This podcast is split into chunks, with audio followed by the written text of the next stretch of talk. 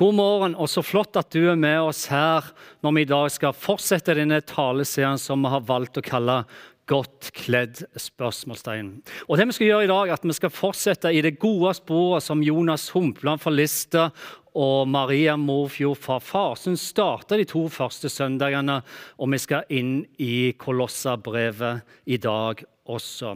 Og Det som kan være greit å ha med seg når vi skal inn i Kolossabrevet, er det at eh, Paulus, som er en av forfatterne i dette brevet, han eh, traff aldri kolossermenigheten. Han fikk aldri være der, men han skriver til dem fra fengsel i Rom, som han sitter fengsla. Og Grunnen til han sitter der, er på grunn av han er fengsla for troen si. Han er forfulgt, og nå skriver han dette her oppmuntrende brevet før han skal til doms. Og Han velger å skrive dette Kolosserbrevet, selv om han ikke har vært i menigheten men uh, det som du skal vite er at uh, Kolossermenigheten er i grunnen en planting fra Efesus-menigheten som Paulus var med å plante. Og Grunnen han skriver, er jo fordi at han har hørt så utrolig mye godt fra denne menigheten, fra menigheten Kolosseum, og derfor så skriver han alle disse her gode ordene. Husk på dette og gjør dette. Han kommer med anbefalinger og oppmuntringer selv om han sitter fengsla i Kolosseum. Roma. Og det som er bra, er det at Når man tenker på at dette er en menighetsplanting, så ser vi at allerede da, det å gjøre felles ting sammen som menigheter var allerede i den første menigheten. De heier på hverandre, de oppmuntrer hverandre, og det er det dette brevet handler om. Det handler om å heie på, det handler om å hedre, og det handler om å oppmuntre til å gjøre de gode tingene som er kalt til å gjøre. Og En av de første tingene Paulus skrev, som vi har valgt å ta tak i denne serien, her, det handler om å kle på seg. Fordi det er ikke likegyldig. Og Paulus han skriver det, det er ikke likegyldig hva vi kler på oss og tar med oss i livet. Det er ikke likegyldig hva vi følger livet vårt med, i det indre og det ytre. Fordi som Paulus skriver, det får stor betydning for hvordan vårt liv er, og hvordan evigheten blir. Og Det er også derfor at Paulus gjentatte ganger i dette brevet skriver pass på at du kler deg godt. Pass på at du kler deg både innvendig og utvendig med det som Kristi ord har med seg. Det som er bra for deg, det som gir deg glede, og som er sant for deg. Fordi de ordene vi hører, også i dag, som på den tida, de ordene vi leser, eller de ordene vi tar til oss, og legger for vårt indre, har en kraft i seg. Det har en kraft og det har potensial i seg til å reparere og bygge oss opp som mennesker. Men det har også kraft i seg til å rive ned og ødelegge oss mennesker. Med andre ord, ordene vi hører, og ordene vi sier, har potensial i seg, har kraft i seg til å skape liv og skape død. Og Det er derfor Paulus skriver helt innledningsvis her, som vi skal få med oss i dag. Husk på hvilket ord dere fyller dere med. Og Han skriver dette her. La Kristi ord få rikelig rom hos dere. Undervis og rettle hverandre med all visdom. Ja, syng salmer, vise åndelige sanger til Gud av et takknemlig hjerte. Og la alt dere sier og gjør, skje i Herren Jesu navn med takk til Gud, vår Far, ved ham. Og Med andre ord så skriver Paulus dette. Husk på, og glem det aldri, at det gode av Guds ord La det få god plass i livet ditt. La det få plass til sånn at det du, det du hører, og det du sier, er dyppa i Guds ord. Slik at det gode, det som er rett og bra for deg, det som Gud ønsker for ditt liv, får lov til å fylle ditt liv og vandre sammen med deg i ditt liv. Ja, ikke bare kle deg på fasaden og det ytre, men tapasser hele inni deg med deg ordet. Dette som gir det livet som du virkelig ønsker. Her for mange år siden, når jeg var 17 år og ennå spilte fotball aktivt, ja, Sånn så det ut da. Det var den tida der vi hadde litt hockeysveis og litt hull i øret. Og det var den tida tilbake på 90 80-tallet. Det var ei flott tid, men det ser ikke sånn ut i dag. og Kanskje skal vi være glad for det. Da hadde vi like mye hull i buksene som hadde hull i ørene. og Vi gikk rundt med bålgensere, og vi hørte på 80-tallsmusikk. Og det er for så vidt bra den dag i dag. Men grunnen til at jeg viser dette bildet, her, er jo fordi dette bildet her er tatt ca. ett år etter at jeg hadde bestemt meg for å slutte med fotball totalt. Jeg var 17 år ett år før dette bildet ble tatt. Jeg var dritlei det meste. Utdannelse, skole, trening og mor og far. ja. Jeg var lei av det meste. Jeg går ikke i tanken på å spille en eneste kamp til med fotball. Og hadde i grunnen bestemt meg og sagt til meg nå at nok er nok. Nå er det over. Og det er da det skjer. Ett år før dette ble tatt. Sånn Helt ut ifra det blå så kommer det en eldre mann opp til meg etter ei trening. Jeg hadde aldri truffet han før, men det han sier til meg, er dette her. 'Hei, Jim. Du vet ikke hvem jeg er, men jeg har fulgt med deg litt på trening.' Og jeg må bare si det til deg. Jeg var keeper for mange år siden sjøl. Og jeg må bare si, Det er så bra det du holder på med. Stå på. Det er så flott å se deg i mål. Og Så gikk han videre, og så traff jeg han aldri igjen.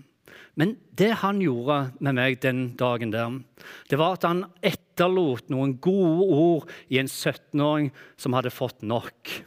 Han blåste på en døende flamme inn i livet mitt med noen gode ord som igjen fikk flammen til å blåse opp igjen og blusse oss. Som igjen gjorde at et ett år seinere tok dette bildet her. Jeg som hadde sagt at nok var nok, nå er jeg ferdig med dette her. Jeg valgte å fortsette i mange år til. Hvorfor? Jo, fordi Og jeg vet at dette er et enkelt bilde, men ord har kraft i seg. Det har liv i seg til å bygge, til å løse ut, til å gi det liv. Og han mannen her, som jeg aldri hadde truffet før, han gjorde nettopp det. Han snakket inn til en døende flamme og blåste liv i flammen igjen. Og så er det én ting, da, om det er fotball og det er 17-åring. Det kan være viktig nok til å oppmuntre en 17-åring. Men når Paul skriver til kolosserne, og ordet handler om livet vi lever, og det handler om evigheten som venter, da tenker jeg at vi bør høre godt etter. Ja, da bør vi høre ekstra godt etter, fordi det Paulus skriver videre til oss i dag, er dette her. Gjeldsbrevet mot oss, det sletta Jesus. Det som var skrevet med lovbud, ja, han tok det bort fra oss da han nagla det til korset. Han kledde maktene og åndskreftene nakne og stilte den fram til spott og spe da han viste seg som seiersherre over dem på korset. Og de ordene der må vi aldri glemme. Vi må kle dem i oss, vi må ta dem på oss. Ja, Tapetsere det innvendig og utvendig på våre liv. Gjeldsbrevet, det tok han på seg. Han nagla det korset. Og det står ikke bare at vi fikk levere det ifra nei, det står at han tok det ifra oss. Vår gjeld ble sletta fordi Jesus valgte å ta dem. Det gode ord ha med seg. For det betyr igjen at når vi kan kjenne på tanker som ikke er så uvanlige, men vi kan kjenne på at nå holder jeg ikke mål, nå er det nok. Dette kristenlivet kommer jeg aldri til å fungere for meg. At ting ikke kan bli bedre. Jeg skulle jo ha lært. Nok er nok. Jeg passer ikke inn i denne menigheten. Så sier Kristi ord dette, at de greiene der, de tankene og de ordene der, de tilhører alt annet enn Kristi ord. Det er ordene som ble nagla på korset. Det er ordene som gjeldsbrevet tok med seg når Jesus valgte å ta dette ifra oss. Anklageren, den som fordømmer, den som holder nede, den som prøver å ta ifra deg friheten og gleden i Jesus Kristus, han er den eneste som står igjen til spott og spe, sier Jesus. Gjeldsbrevet, det er borte. Du er fritatt all skyld. I Bibelen og i Nehemjas bok i Gamle testamentet så kan man lese om denne Nehemja, som kjente på Guds kall til å reise tilbake til Jerusalem for å bygge opp murene som var rast i sammen. De var knust, og folket var spredd overalt. Og For å si det sånn som det var Her var det ikke mye håp igjen for at ting kunne bli bedre. Det var ingen som tenkte at disse murene skulle bygges opp igjen på den tiden tida. Ingen hadde tro for at det skulle endre seg i Jerusalem. Det eneste folket så, var at dette er håpløst, dette her kommer ingenting til å klare. Alt håp er ute. Med andre ord, fortida til Jerusalem preger hele framtida til Jerusalem og folket. Men det var bare helt til Gud bestemte seg for å blåse på noen gløder inni en manns liv. Han blåste på glødene slik at det ble en flamme som vokste seg sterkere og sterkere og ble en brann. Han kaller på Nehemja, og Nehemja han drar til Jerusalem. Han samler folket, og han får i gang arbeidet, han får økonomien inn, og plutselig så er de i gang med å bygge murene igjen. Det som ingen trodde var mulig, ingen noensinne tenkte skulle bli, var i ferd med å bli. Det som historien da viser oss videre, er nettopp dette. At midt i bygginga, midt i det som så så positivt ut, så begynte de negative meldingene å komme. De negative ordene de kom fra den ene og den andre sida. Det hagla inn med anklager. Ja, til og med så var det de som ikke ønsket at Nehemia og folket skulle få dette til. Så de spredde usanne rykter og negative ord inn i folket. De trua og de forsøkte å slå splid slik at de ikke skulle lykkes. Noe som igjen førte til at folket la ned det de arbeidet med. De stoppet opp og sa nok er nok. Fordi fortida har med seg dette at det kan drepe for det som kommer i framtida. Ordspråkene 15,4 sier det sånn som dette. Ei legende tunge, hva er det? Jo, ei legende tunge, ei tunge som taler det som er godt, det som er rett, det som er sant. Hva er sånn ei tunge? Jo, det er et livets tre. Det betyr at det gir liv til der det kanskje har nesten vært dødt. Ei falsk tunge, derimot, hva er det den gjør? Jo, den knuser livsmotet. Og det var det disse folka med rundt Nehemja opplevde. Alle de negative ordene de tok ifra de frimodigheten, de tok ifra de friheten, de tok imot de san, nei, fra dem sannheten og det de virkelig ønsket å bruke livet på. Der det før var en glødende flamme, der var det mest ikke flamme igjen. Så når Nehemja får høre hva som skjer, hva Nehemja gjør da? Jo, da fòrer han folket på ny med det som er godt, og det som er sant. Vi må ikke glemme hva vi holder på med. Vi må ikke glemme hva Guds ord sa. Vi må ikke glemme hvilken jobb han har satt oss til å gjøre. Han tenner ny flamme i dem. Han er den som samler sammen istedenfor å spre. Fordi Nehemia tenker ikke på det som før var, han tenker på det som skal komme. Han tenker ikke på fortida og la den forforme forme framtida. Nei, han tenker på det Gud har gitt han, som er for framtida. Noe som igjen setter fyr og flamme i folket. Og For å gjøre en lang historie kort murene til Jerusalem kom opp igjen. De ble ferdige med den store jobben. Og Nå vet ikke jeg hva du tenker om dette, men kanskje er du en av de som lever i fortida mer enn i nuet.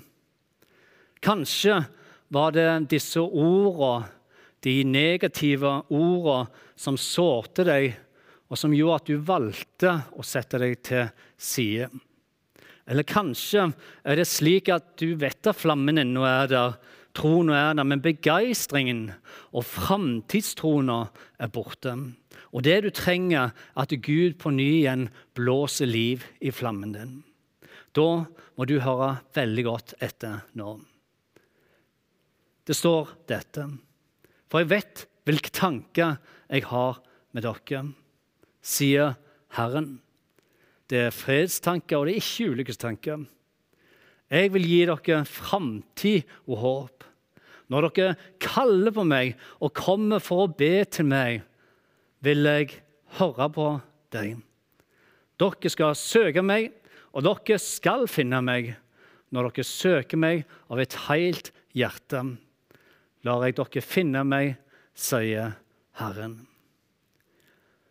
Og så kan det være at dette verset ikke er nytt for deg. Det kan være at du har hørt det mange ganger før. Og kanskje så var det sånn at det var et sannhetsvers et vers som en gang blåste liv i deg, den flammen som snart er i ferd med å dø ut. Ikke vet jeg. Men du må høre godt dette her.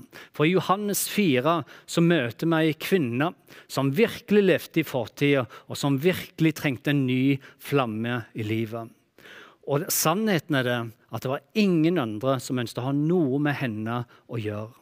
Og Det er først når du leser om henne, og du tar deg en liten pause og lytter til hva som virkelig skjer i teksten her, at hun her, som har levd et slitsomt liv, som har båret på byrde i hopetall for å prøve å beskytte seg sjøl, at du virkelig ser hva det Gud gjør i hennes liv.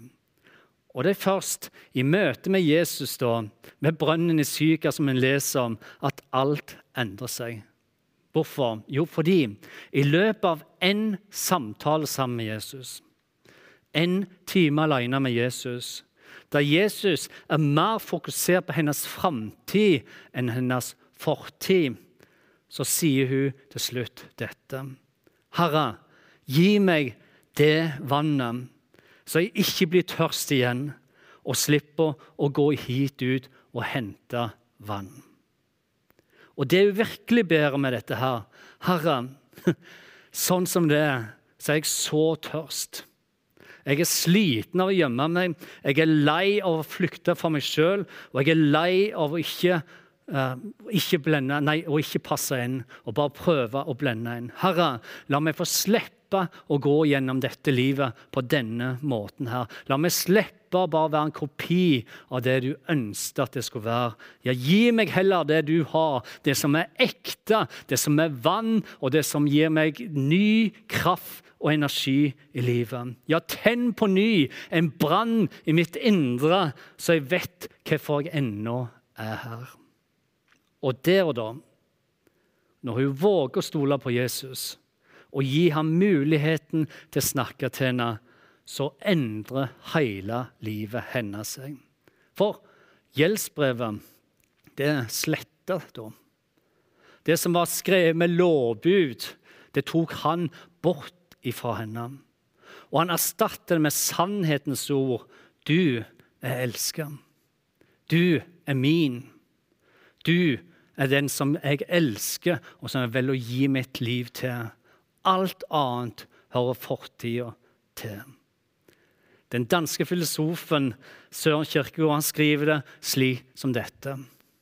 Der fortida oppleves som skyld, oppleves framtida som angst. Mens der fortida oppleves som syndenes forlatelse, som Jesus ga denne kvinna, der oppleves framtida nå som håp. Og det er nøyaktig det Paulus skriver til oss i dag. La Kristi ord få rikelig rom hos dere. Ja, undervis og rettlegg hverandre med all visdom. Syng salmer, viser åndelige sanger til Gud av et takknemlig hjerte. Og la alt dere sier og gjør, skje i Herren Jesu navn, med takk til Gud, vår Far med Han. For sannheten er at gjeldsbrevet ditt og mitt er sletta. Jesus valgte å ta det ifra oss og rive det ut ifra vår hånd når vi kom til Han, og han nagla det med seg sjøl til korset. Og den eneste som skal kjenne på nederlag, spott og spe, er anklageren. Han som kommer med det negative. Han som kommer med splid, som ønsker å rive ned istedenfor å bygge opp. Han prøver å blåse ut flammen, Men det eneste Gud trenger, er tid sammen med deg og meg for å sette nytt håp, for å blåse liv igjen i det som er nære. Og Det er derfor Paulus oppfordrer så sterkt inn i det kolosserbrevet her. Kle dere godt. Kle dere inn, ja, tapetser dere, både innvendig og utvendig, med gode og sanne ord. Ord som beskytter, ord som gir liv. Dette er Kristi ordet. Helt, helt til slutt skal vi da være gode med hverandre med oss sjøl og la fortid få lov å være fortid. La det få være der bak, og la oss leve nå og strekke oss framover. Slik at vi kan få leve et liv med framtid og håp. Et liv ikke med ulykkestanker, men med framtidstanker og fredstanker, slik som Gud ønsker det for oss. Og skal vi la Han få lov til å blåse liv i flammen igjen. Om det handler om at du må sette deg ned, bruke alenetid i sammenheng, så, så gjør det. La han få lov til å blåse på glødene, og la flammen få vokse igjen. Ja, tro at du er elsket, for du er elsket. Tro at du har en framtid og håp, for, det er det han har for deg. Ja, tro at du kan få bety en forskjell med dine ord og med det du gjør. For det er det han ønsker for ditt liv. Når du deler, når du velger det gode og de gode ordene, så oppmuntrer du de du har rundt oss. Så gir du ord som bringer frihet og framtid og sannhet til de du har rundt deg skal vi være gode med oss sjøl, og så gjør vi det. Så skal vi be sammen helt, helt til slutt. Gode Far i himmelen. Takk for din godhet, og takk for din kjærlighet som du viser med all tydelighet når du sjøl velger å nagles til korset for å sette oss fri. Takk, Jesus, for du kom ikke for å dømme, men du kom for å sette fri, og du kom for å frelse, Herre. Takk, Herre, for at du gir oss ord i rette tid, slik at vi kan få være med og dele det som er godt, Herre, det som er sant, og det som folk trenger å høre. Herre, takk for det gode som du har gitt oss, og du gir oss alle, Herre. Må det prege oss, Herre. Må den flammen som brenner i vårt indre, få lov til å flamme opp igjen og brenne, Herre, slik at mennesker ser hvem du er. Og så ber vi spesielt i dag, Herre, for de som kan kjenne at de sitter fast i noe i fortida, Herre. Vi ber, Herre, tenn på ny flammene, Herre. Legg på ny en ny sang i deres indre, slik at de kan få brenne igjen og kjenne at det er godt å være troende, Herre. Og det er godt å få gi dette lyset og dette håpet til de som lever i mørket. Herre Gud og gode Gud, vi takker deg for du er en god far, Herre, som bare ønsker det beste for våre liv. Amen.